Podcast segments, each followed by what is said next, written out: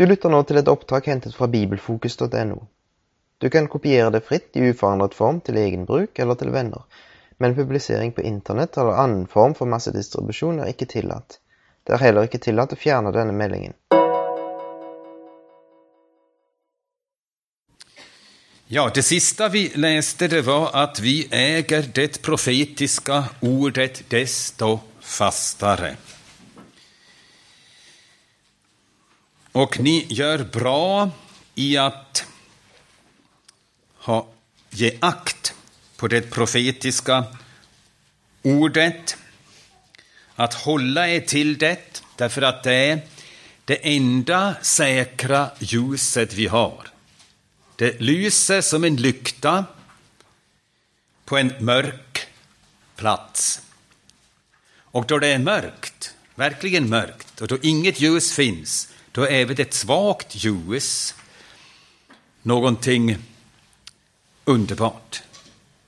Ett ljus som kan ge oss orientering. Mitt i den mörkaste natten en fyr som står vid kusten och visar vägen in.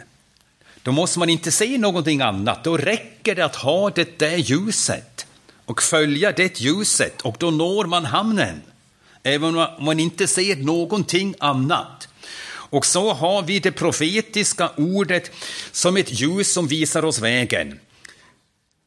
Den första betydelsen förstås av det profetiska ordet är just att det visar oss målet. Kristus kommer och vi ska vara hos honom i Faderns hus för evigt. Och så länge vi har det för ögonen kan vi inte verkligen gå vilse. Kanske vår väg ibland slingrar lite till vänster och till höger. Men vi finner alltid den rätta kursen. Det är målet som vi har framför oss. Och en dag ska vi stå inför Herren. Och hela vårt liv är då inriktat på det målet. Och vi gör mycket väl till att hålla oss till detta ljus. Det enda säkra ljus som leder oss. Och det ljus, vi har det så länge tills dagen gryr. Dagen, det är Kristi dag, dagen då han blir uppenbar. Och så länge har vi det ljuset. Och Gud har sett till att det ljuset inte har försvunnit ur världen. Det har inte slocknat. slocknat. Ingen har kunnat släcka det. Många har försökt att utplåna Bibeln, Guds ord, från världen. Flera försök har man gjort. Men vi har Guds ord ännu. Det lyser ännu. Detta ljus som visar oss vägen. Tills dagen gryr, tills Herren kommer.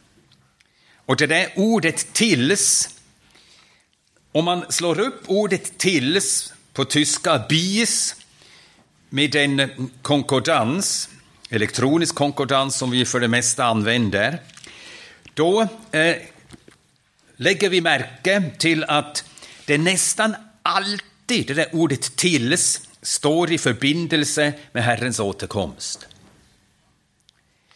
Eh, det förekommer eh, ganska ofta, eh, jag måste nu se efter hur många gånger det förekommer. Ungefär 40 gånger i Nya testamentet. Tills.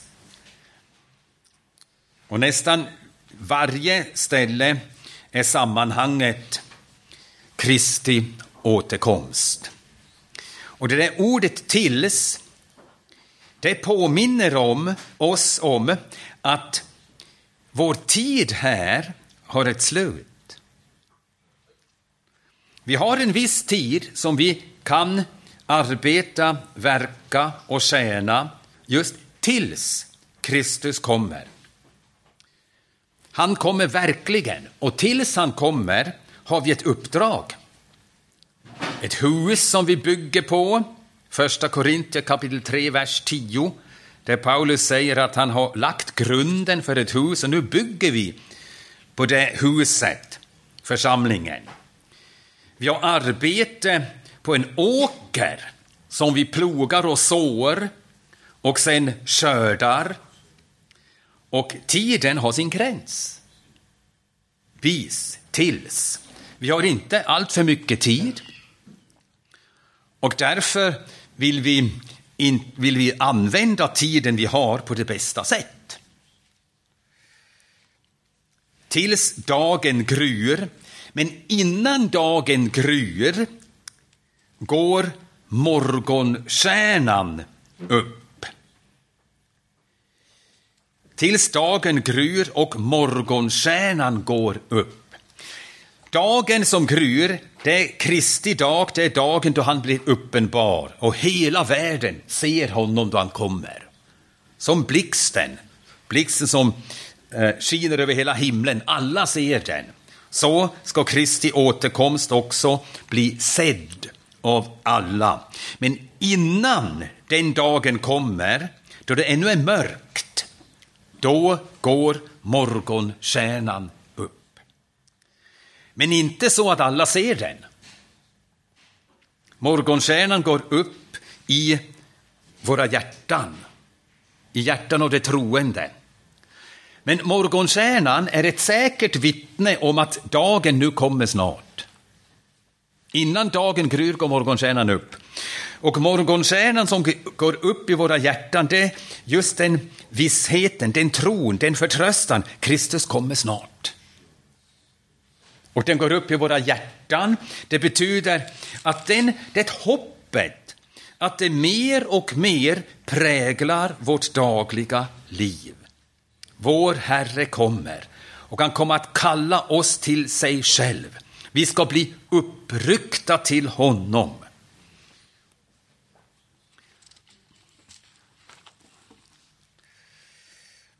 Det profetiska ordet för att riktigt förstå det, säger Petrus i vers 20, är det en sak vi måste begripa. Vi ska veta, vers 20, framför allt skall ni veta att ingen profetia i skriften har kommit till genom egen utläggning. Vi för, försöker att förstå det profetiska ordet. För det är så viktigt. Inte bara att vi tror att Kristus kommer åter, att vi också förstår det. Så studerar vi Bibeln för att förstå det. Och här säger Petrus, men framförallt måste ni då veta att ingen profetia i skriften har kommit till genom egen utläggning. Och så förstår man också ingen profetia genom att man betraktar den isolerad. Det finns ingen isolerad profetia. Alla profetior, alla utsagor i Bibeln hänger ihop med varandra, står i samband med varandra och varje profetia i samband med det hela, med hela Guds uppenbarelse.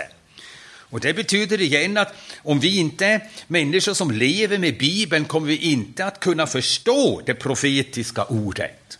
Man förstår det bara i samband med hela Bibeln i hela Bibelns sammanhang. Det är ju den viktigaste principen för all bibelutläggning, att Bibeln själv förklarar Bibeln.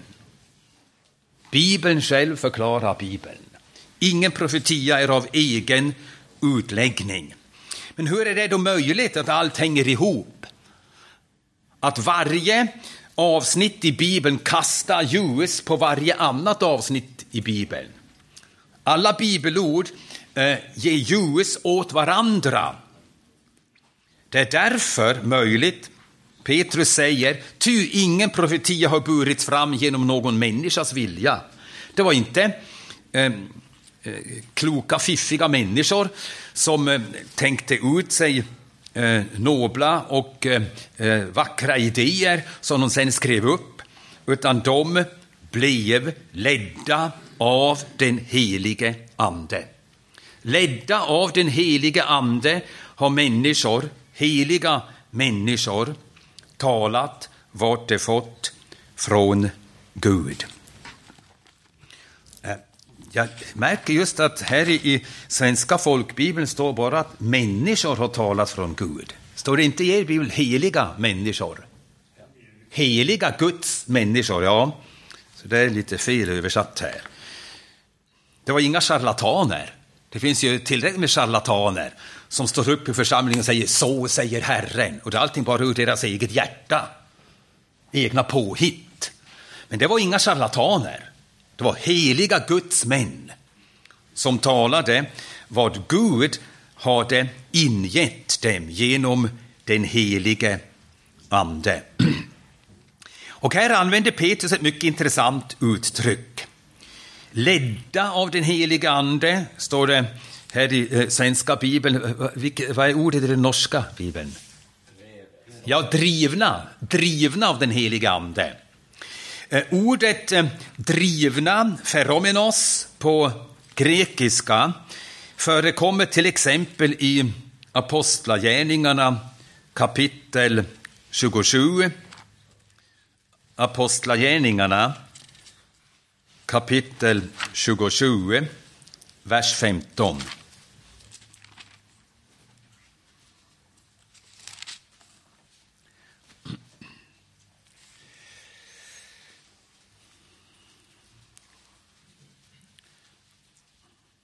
Här står skrivet, då skeppet fångades upp av den, alltså en, av nordosten, då skeppet fångades upp av den och inte kunde hålla upp mot vinden gav vi efter och lät det driva.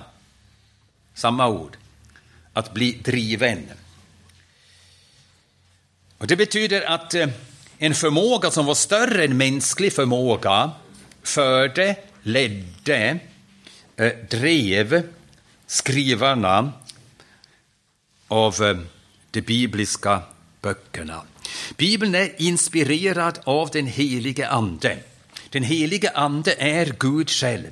Gud kan inte ljuga.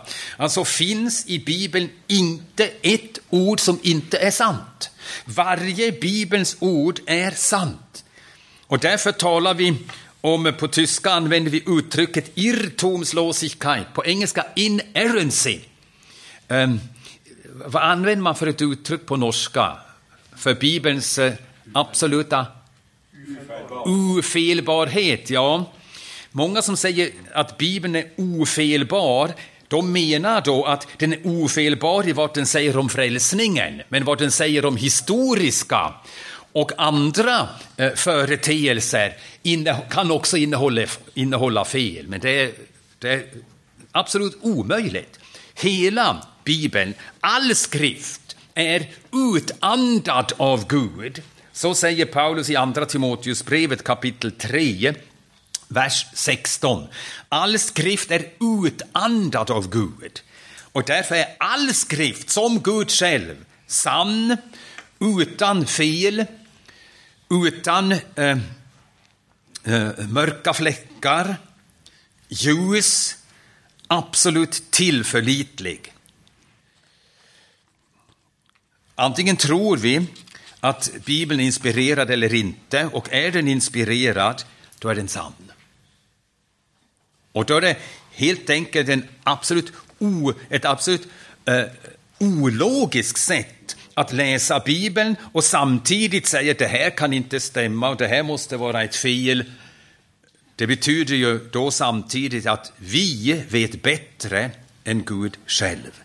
All skrift är utandad av Gud. Heliga Guds män var ledda, förda, drivna av den helige Ande. Och det visste eh, Bibelns författare själv. De visste att de var inspirerade av Gud. Profeterna, de visste, så säger Herren. Och de skriver i sina böcker, Herrens ord kom till mig. De visste att det var Guds ord. David, han visste att salmerna som han skrev, att de var skrivna genom inspiration. Låt oss slå upp andra Samuelsboken. Andra Samuelsboken kapitel 23. Andra Samuelsboken kapitel 23. De första två verserna, verser 1 och 2. Dessa är Davids sista ord Så säger David, Isais son, så säger den man som blev högt upphöjd, Jakobs, Guds smorde, Israels ljuvlige sångare. Herrens ande har talat genom mig, hans ord var på min tunga. Alltså David visste det, att han som Israels ljuvliga sångare, det vill säga författare av salmerna, av dessa sånger, han visste att det inte bara var hans, hans eh, poetiska geni som fann eh, sin frukt i dessa sånger, salmer, utan det var Guds ande. Och det var Guds ord som var på min tunga.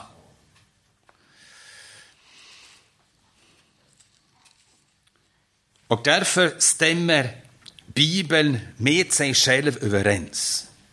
Alla författare av bibliska böcker, de var ledda, de var drivna, de var inspirerade av Guds ande.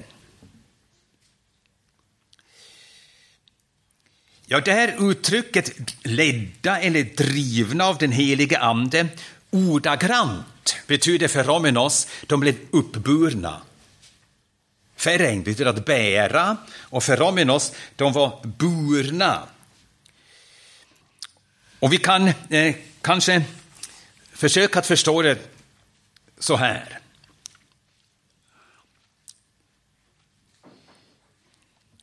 Vi människor som lever i den här världen, genom synden har vi blivit blinda för Gud. Så vi kan inte eh, se Gud, förstå Gud, vi hör inte hans röst. Men genom den helige Ande får vi förmågan att förstå Gud, förstå Guds ord, förstå Guds tankar. Och de som Gud använder som sina verktyg, som sina redskap för att eh, skriva eh, Bibeln, dem gav han en utomordentlig förmåga att se och höra sådant som människan annars inte kan höra. De blev lyfta för att se från Guds egen synpunkt, det som Gud själv är. Och Gud, han ser ju allt. Han ser det förflutna, han ser det närvarande, han ser framtiden. Och Mose, han blev då uppburen av den heliga ande, så han kunde se det förflutna. Därför kunde han skriva skapelseberättelsen och syndafallet. Som ingen, ingen människa var vittne om skapelsen. Hur ska vi kunna veta hur skapelsen kom till? Vi har ju, ingen har sett det och därför är allting bara teorier, även om de låter vetenskapliga. Det är bara fantasier. Man försöker på något sätt och vis att eh, få en teori som på något sätt och vis kan förklara det. Men ingen vet, för ingen har sett det. Men Mose, han, eh, eh, Gud lyfte upp honom så Mose kunde se vad han annars aldrig hade kunnat se, hur världen kom till. Gud talade på sex dagar och världen stod. Och likaså profeterna som följde honom. Eh, Gud visade åt Mose också framtiden, visade framtiden över eh, folket, att det skulle vända sig bort ifrån Gud och stor nöd skulle komma över folket, men att Gud eh, igen skulle samla folket och sända sin son. Allt detta som var framtida ännu visade Gud åt Mose. De av oss som har barn, de har säkert alla varit i, en, i den ena eller den andra gången i en zoologisk trädgård. Och vi var ett par gånger i en, en, den zoologiska trädgården i Zürich. Så kommer man in till den zoologiska trädgården och så finns det till exempel en, en, en grop där det finns björnar, en björngrop. Men framför gropen är en mur. Och vuxna de står här och tittar ner över muren och ser allt. Men våra barn, de såg ingenting. Så stod de så här nere och så sa de, du lyft upp, jag vill också se. Så tog jag dottern min och lyfte upp henne. Så kunde hon se över muren vad hon annars inte hade kunnat se. Och precis så lyfte Gud upp sina tjänare, som vi lyfter upp ett barn på armen, så de kunde se uppifrån. Långt in i framtiden. Gud gav dem förmåga att se sådana saker som bara han kunde se. Eh, hela Uppenbarelseboken blev skriven på det viset. Uppenbarelsen kapitel 4. Uppenbarelsen kapitel 4, vers 1.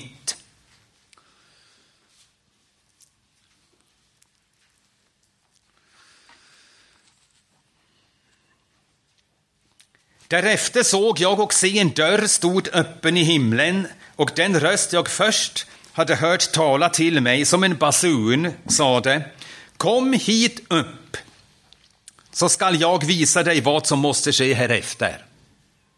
Så Gud lyfte upp honom och då fick han se in i framtiden.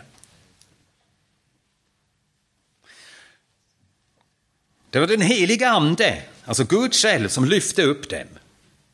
Så de var på samma höjd som Gud själv och då såg de allt. Och sen gav den heliga ande dem förmågan att minnas allt precis som de hade sett det och sedan skriva det precis som det var. Och därför är Bibeln utan fel. Absolut trovärdig. Det är ett under. Ett mirakel. Och vi tackar Gud för att vi har Bibeln, att vi har det fasta, desto fastare profetiska ordet.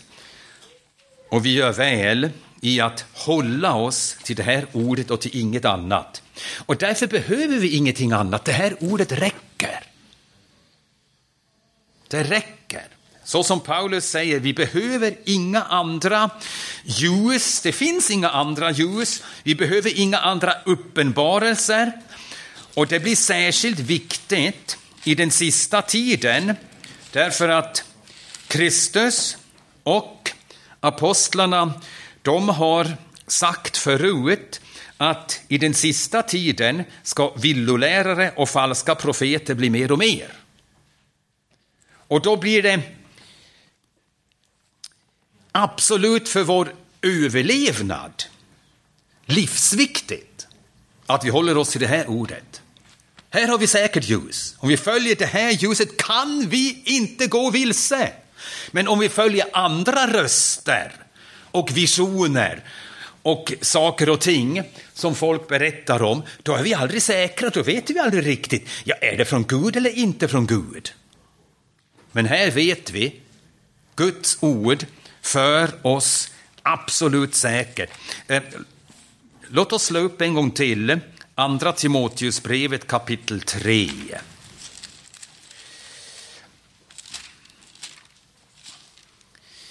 I det tredje kapitlet talar Paulus just om de sista dagarna. Kapitel 3, vers 1. Det skall du veta att i de sista dagarna skall det komma svåra tider och de är därför svåra för att människorna är svåra. Vers 2. Människor kommer att vara så och så. Det är orsaken. Inte klimatet och så vidare, om det blir lite varmare eller kallare här på planeten. Det är inte svårigheten, utan svårigheten är människorna ogudaktigheten, den antikristna andan, kommer att bli starkare och starkare. Och så läser vi om vers 13. Onda människor och bedragare ska göra framsteg till det sämre. Bedragare som bedrar, villolärare som för vilse. Och då blir det absolut nödvändigt för att vi ska stå igenom den tiden att vi håller oss till skriften. Och till ingenting annat. Vers 16. Hela skriften är utandad av Gud. Utandad av Gud. Hela skriften.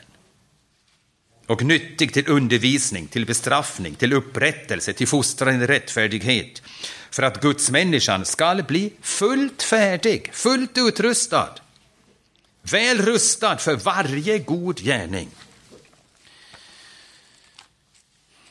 Som Paulus så hänvisar också Petrus till skriften. Det är vårt ljus. Och till det ljuset håller vi oss och inget annat ljus vill vi följa.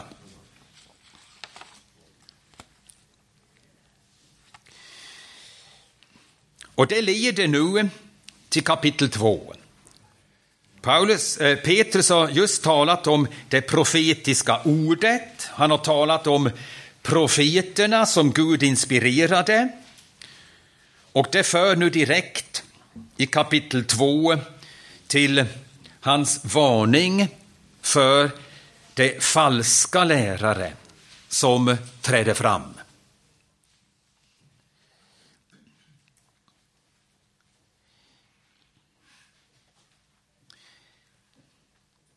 Men först måste vi förstå kapitel 1 innan vi förstår kapitel 2. Det var inte godtycke att Petrus började sitt brev som han började rätt, med att påminna oss om vårt kall och vår bestämmelse och med den, ett upprop till att eh, eh, se till att trosläran blir till trosliv. Det är förutsättningen för oss att vi är väpnade mot de falska lärarna. Annars blir vi ett lätt byte för falska lärare. Ett alltför lätt byte.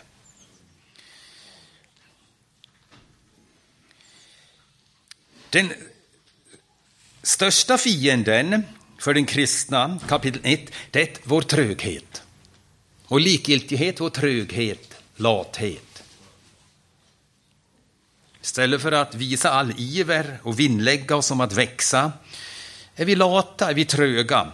Och är vi tröga, då kommer en nästa fiende. Och han har då lätt spel. Då kommer villolärarna.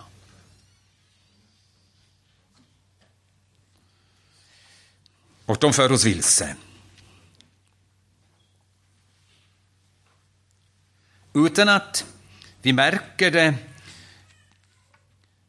börjar idéer och föreställningar att sippra in i församlingarna, också i vårt tänkande, som sakta, sakta vänder evangelium upp och ner, så att vi till slut, istället för att leva ett liv av helgelse och tillväxt i tron, lever ett liv av utsvävningar. Raka motsatsen. Raka motsatsen av det vad frälsningen i vårt liv egentligen vill nå. Ja, alltså vi läser nu i kapitel 2, de första tre verserna.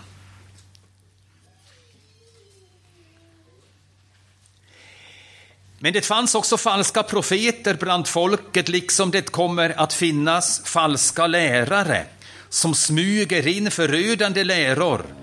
Det skall till och med förneka den Herre som har friköpt dem och dra så plötsligt fördärv över sig. Många skall följa dem i deras utsvävningar och för deras skull kommer sanningens väg att smädas. I sin girighet kommer det att med falska argument, med, med väl formade ord, sko sig på er. Men domen över dem är sedan länge verksam och deras undergång sover inte. Falska lärare och de som följer dem, de följer deras utsvävningar, vers 2. Och resultatet är att vi inte bär frukt till Guds ära, utan att tvärtom evangelium blir smädat. Motsatsen av allt som Gud vill. Men Petrus säger de kommer, de falska lärarna. Och han säger inte att det bara består fara att många Eh, följer dem. Han säger många kommer att följa dem. Så vi ska veta vad som eh, verkligen kommer att ske och sker i våra dagar så vi inte är, eh, inte är förvånade då det händer, så vi är väpnade inför det.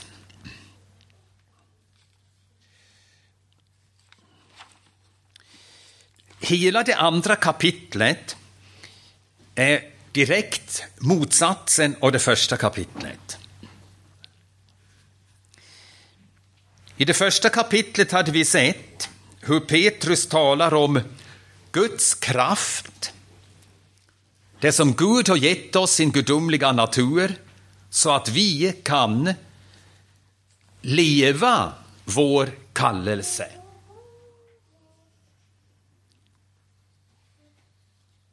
Och sen hade Petrus beskrivit den gudomliga naturen, hur den visar sig just i flit och i disciplin och i kunskap och i uthållighet och i Guds fruktan och i kärlek till bröderna och kärlek till Gud. Det är den gudomliga, den nya naturen. Och så talar han eh, om tjänsten och slutet av Guds sanna tjänare. Han talar ju om sin tjänst och han talar om sitt slut, sin utgång ur den här världen. Och så talar han om det profetiska ordet som lyser som en lykta på ett mörkt ställe. I andra kapitlet har vi just motsatsen av allt detta. Istället för Guds kraft som ger oss förmågan att eh, leva vårt liv som Guds kallade, istället för Guds kraft talar han här om eh, villolärornas kraft. Att föra oss vilse och så förhindra att vi lever vår kallelse.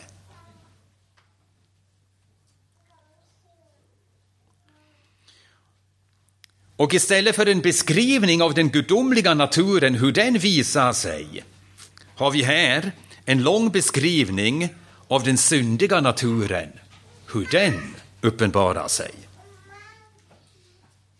Så precis motsatsen.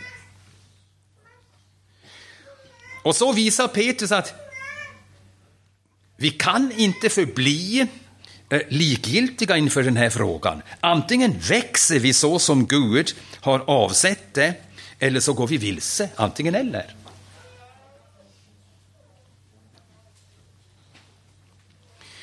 Petrus talar om sig själv, om sin tjänst och sitt slut. I andra kapitlet talar han om verksamheten och slutet av de falska tjänarna.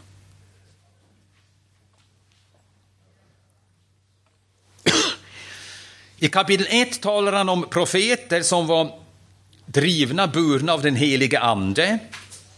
I kapitel 2 talar han om falska profeter som är drivna, burna av deras egna idéer.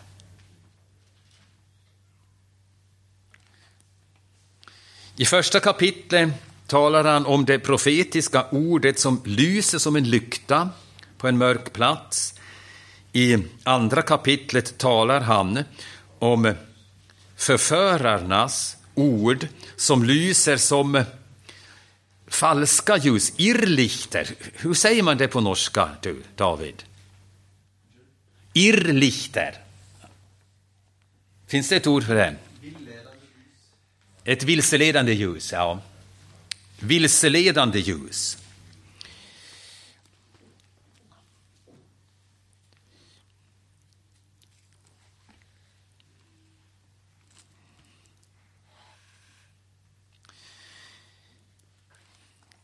I vers 1 påminner Petrus om att falska profeter fanns bland folket.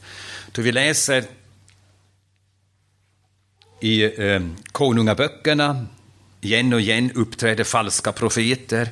Elia hade att göra med falska profeter, till exempel.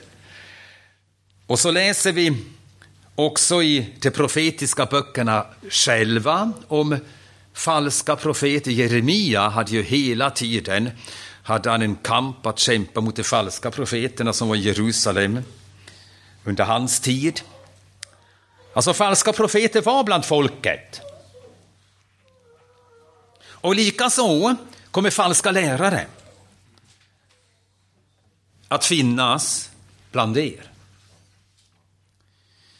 Varför säger Petrus är falska lärare? Inte falska profeter, utan falska lärare.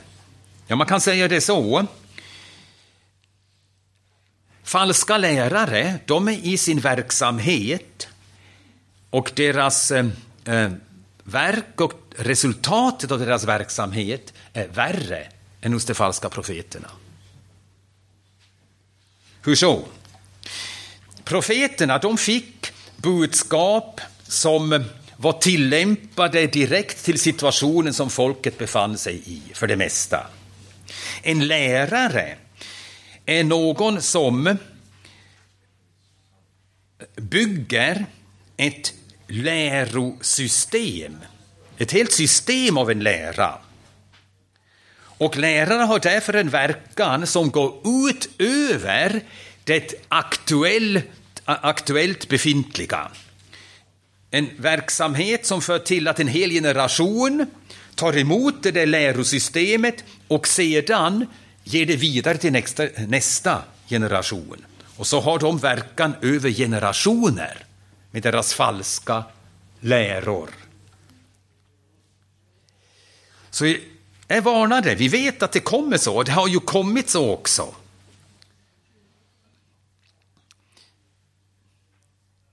Så som Petrus varnade för sådana läror och sådana lärare har också Paulus varnat. Apostlagärningarna kapitel 20. Apostlagärningarna kapitel 20. Verser 29 och 30. Apostlagärningarna 20, verser 29 och 30. Jag vet att när jag har lämnat er skall rovlystna vargar komma in bland er och det skall inte skona jorden. De är vargar, men iklädda i fårpäls, så de ser ut som får. Och de låter som får i början. Men de är vargar, falska lärare. Vers 30. Ja, ur er egen krets skall män träda fram och förvränga sanningen, förvanska evangelium och dra lärjungarna över på sin sida. Många ska följa dem, säger Petrus. Johannes har varnat för falska lärare. Första Johannesbrevet, kapitel 2. Första Johannesbrevet, kapitel 2, vers 18. Kära barn, den sista tiden är här och liksom ni har hört att Antikrist skall komma så har redan nu många antikrister trätt fram. Det skrev han mot slutet av det första århundradet. Redan många hade då trätt fram.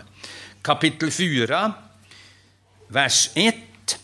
Mina älskade, tro inte alla andar, utan pröva andarna om det kommer från Gud. Ty många falska profeter har gått ut i världen. Judas skriver om falska lärare. Judasbrevet, vers 4. Judasbrevet, vers 4. Ty hos er har det nästlat sig in vissa personer. Om dem är det redan för länge sedan skrivet att de skulle drabbas av domen. Gudlösa som det är förvanskar det vår Guds nåd till försvar för ett liv i utsvävningar och förnekar vår ende härskare och Herre, Jesus Kristus. Så det är mycket naivt att säga ja, det är så negativt att tala om falska läror och så vidare. Vi borde tala om det positiva. Det är naivt. Det är helt enkelt barnsligt snack. Vi ser att Herren, vi ser att apostlarna, att de talar om falska lärare och de omnämner de falska lärorna. Ibland till och med med namn säger de vem det är. Ibland måste man göra det. Och det är skrivet till vår varning så att vi vet att det hela tiden kommer att finnas falska lärare som bland de troende sprider sitt gift. Så vi måste vara på, på vår vakt. Eh, Andra Timoteusbrevet kapitel 2.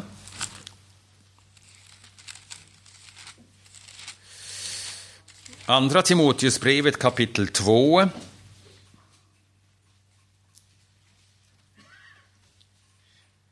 Här står vers 17. Deras ord kommer att sprida sig som cancertumörer.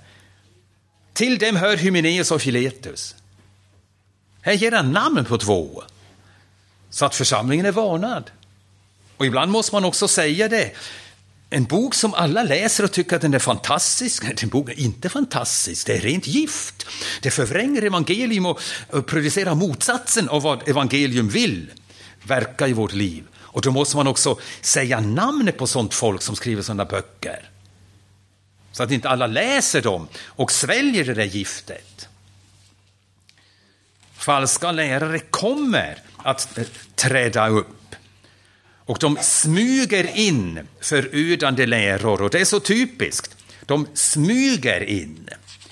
Det grekiska ordet par eis ago, det betyder att föra in villoläror på en sidoväg. De kommer inte in genom huvuddörren, där alla ser dem. Deras läror, de kommer inte öppet, utan från sidan, omärkligt, börjar deras falska idéer och läror sippra in. De använder uttryck som eh, det troende är eh, väl eh, förtrodda med och som väcker förtroende. Ord som Jesus Kristus och nåd och himmel och eh, helvete, kanske de inte omnämner helvete, och frälsning och Gud är kärlek och så vidare. Och det låter ju så bra. Om man citerar bibelverser men ger dem en annan innebörd och sakta, sakta vinner sådana läror då inflytande och många följer dem i deras utsvävningar. Utsvävningar, det är ordet Petrus här använder. Och i vers 1, där säger han vilket är kärnan av deras villolära. De förnekar den Herre som har friköpt dem. Här använder Petrus ett ord som förekommer kanske fyra, fem gånger i Nya testamentet som en titel för Kristus. Det är inte det, det eh, det ordet som används eh, normalt för herre, alltså inte kyrios, det är ett annat ord, despotes. Och här i svenska bibeln blir despotes alltid översatt med herre. Nej, en gång med härskare. Och egentligen är betydelsen av despotes härskare. Någon som äger sitt folk. Ägare och härskare. Despotes, alldeles ordagrant, är det den som äger ett hus. Doms potes. Den som äger ett hus och därför är herre över ett hus. Härskare. De förnekar Herren som härskare. De förnekar härskaren, för de vill leva ett liv i utsvävningar. De säger, ja, du kan ha Jesus som din frälsare utan att du lyder honom och lever ett liv i lydnad. Och det tycker ju många om att höra. Ja, jag kan få himlen. Jag kan få eh, alla fördelar av det kommande livet och samtidigt kan jag njuta alla fördelar av det jordiska livet. Jag måste inte leva ett liv av lydnad. Det är ju underbart. Och så förvränger de nåden till utsvävning. Alltså man kan ju förklara det och folk tycker om att höra det. Ja, Gud är ju nådig. Alltså kan man leva i synd? Gud förlåter ju.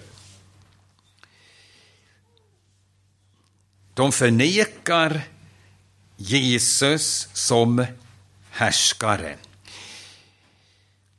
Fem gånger används ordet despotes för Herren Jesus. Fem gånger. Första gången i Lukas kapitel 2, verser 29 och 30. Lukas kapitel 2, verser 29 och 30.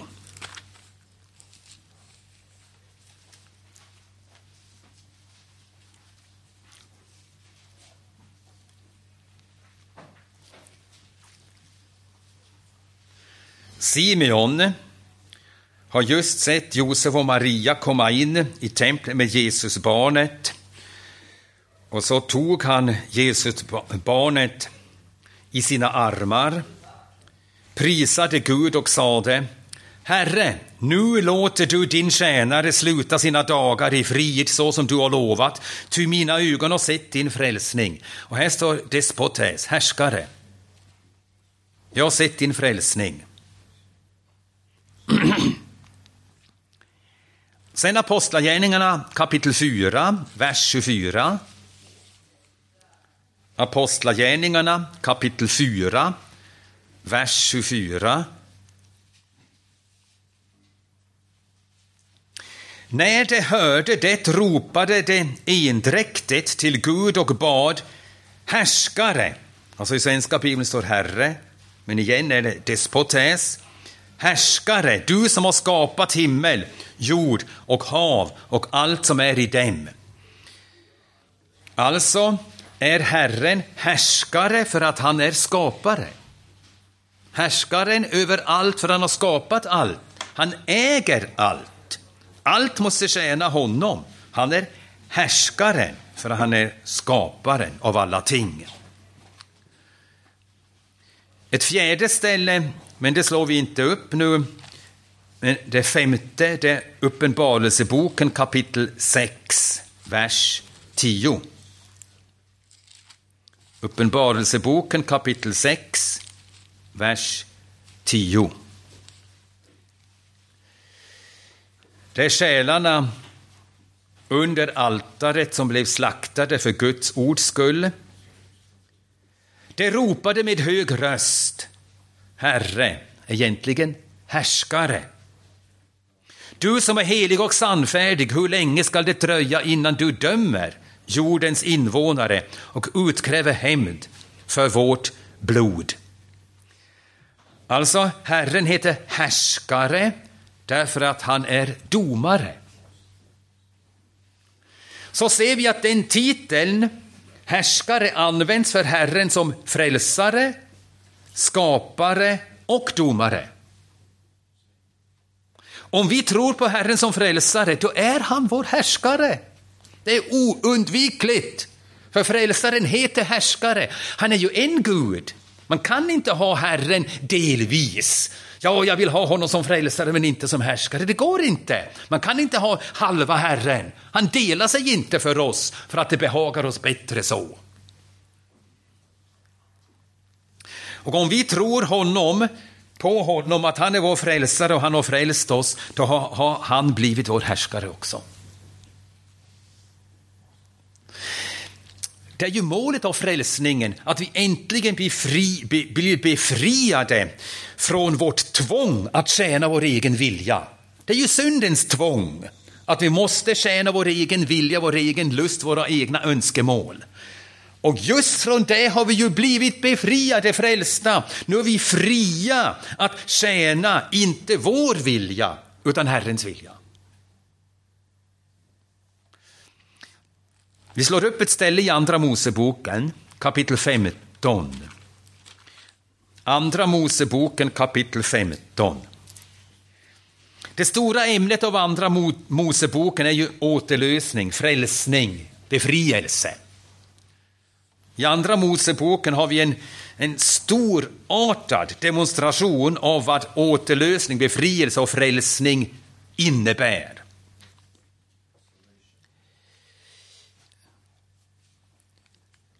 Så läser vi då hur Israel har blivit frälst, hur Gud har fört ut sitt folk ur Egypten, påsklammet har blivit slaktat, Fienden som höll Israel fången har blivit nedkastad. Och Gud har fört sitt folk genom eh, det Röda havet och nu vet folket, nu är de slutgiltigt befriade. För att aldrig mer vända tillbaka till Egypten. Den fruktansvärda konungen som hade dem fångade som sina slavar har blivit dömd, förintad. Och så sjunger de som ett befriat och frälst folk en lovsång. Andra Moseboken kapitel 15. Och den sången slutar med vers 18.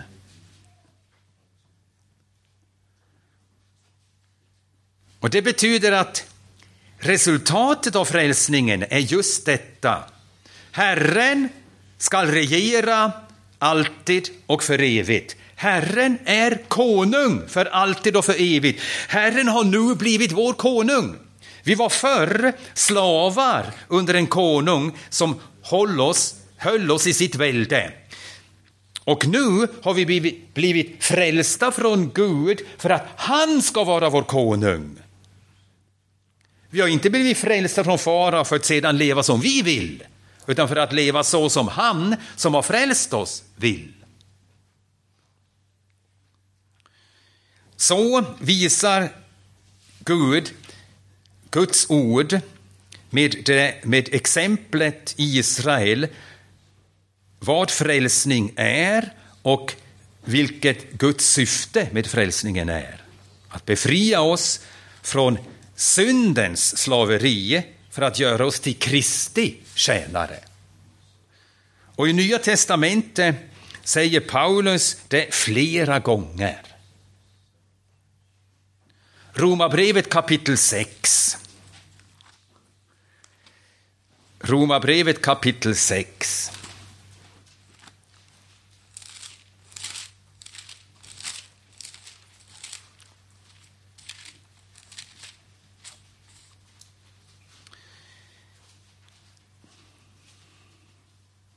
Vers 18.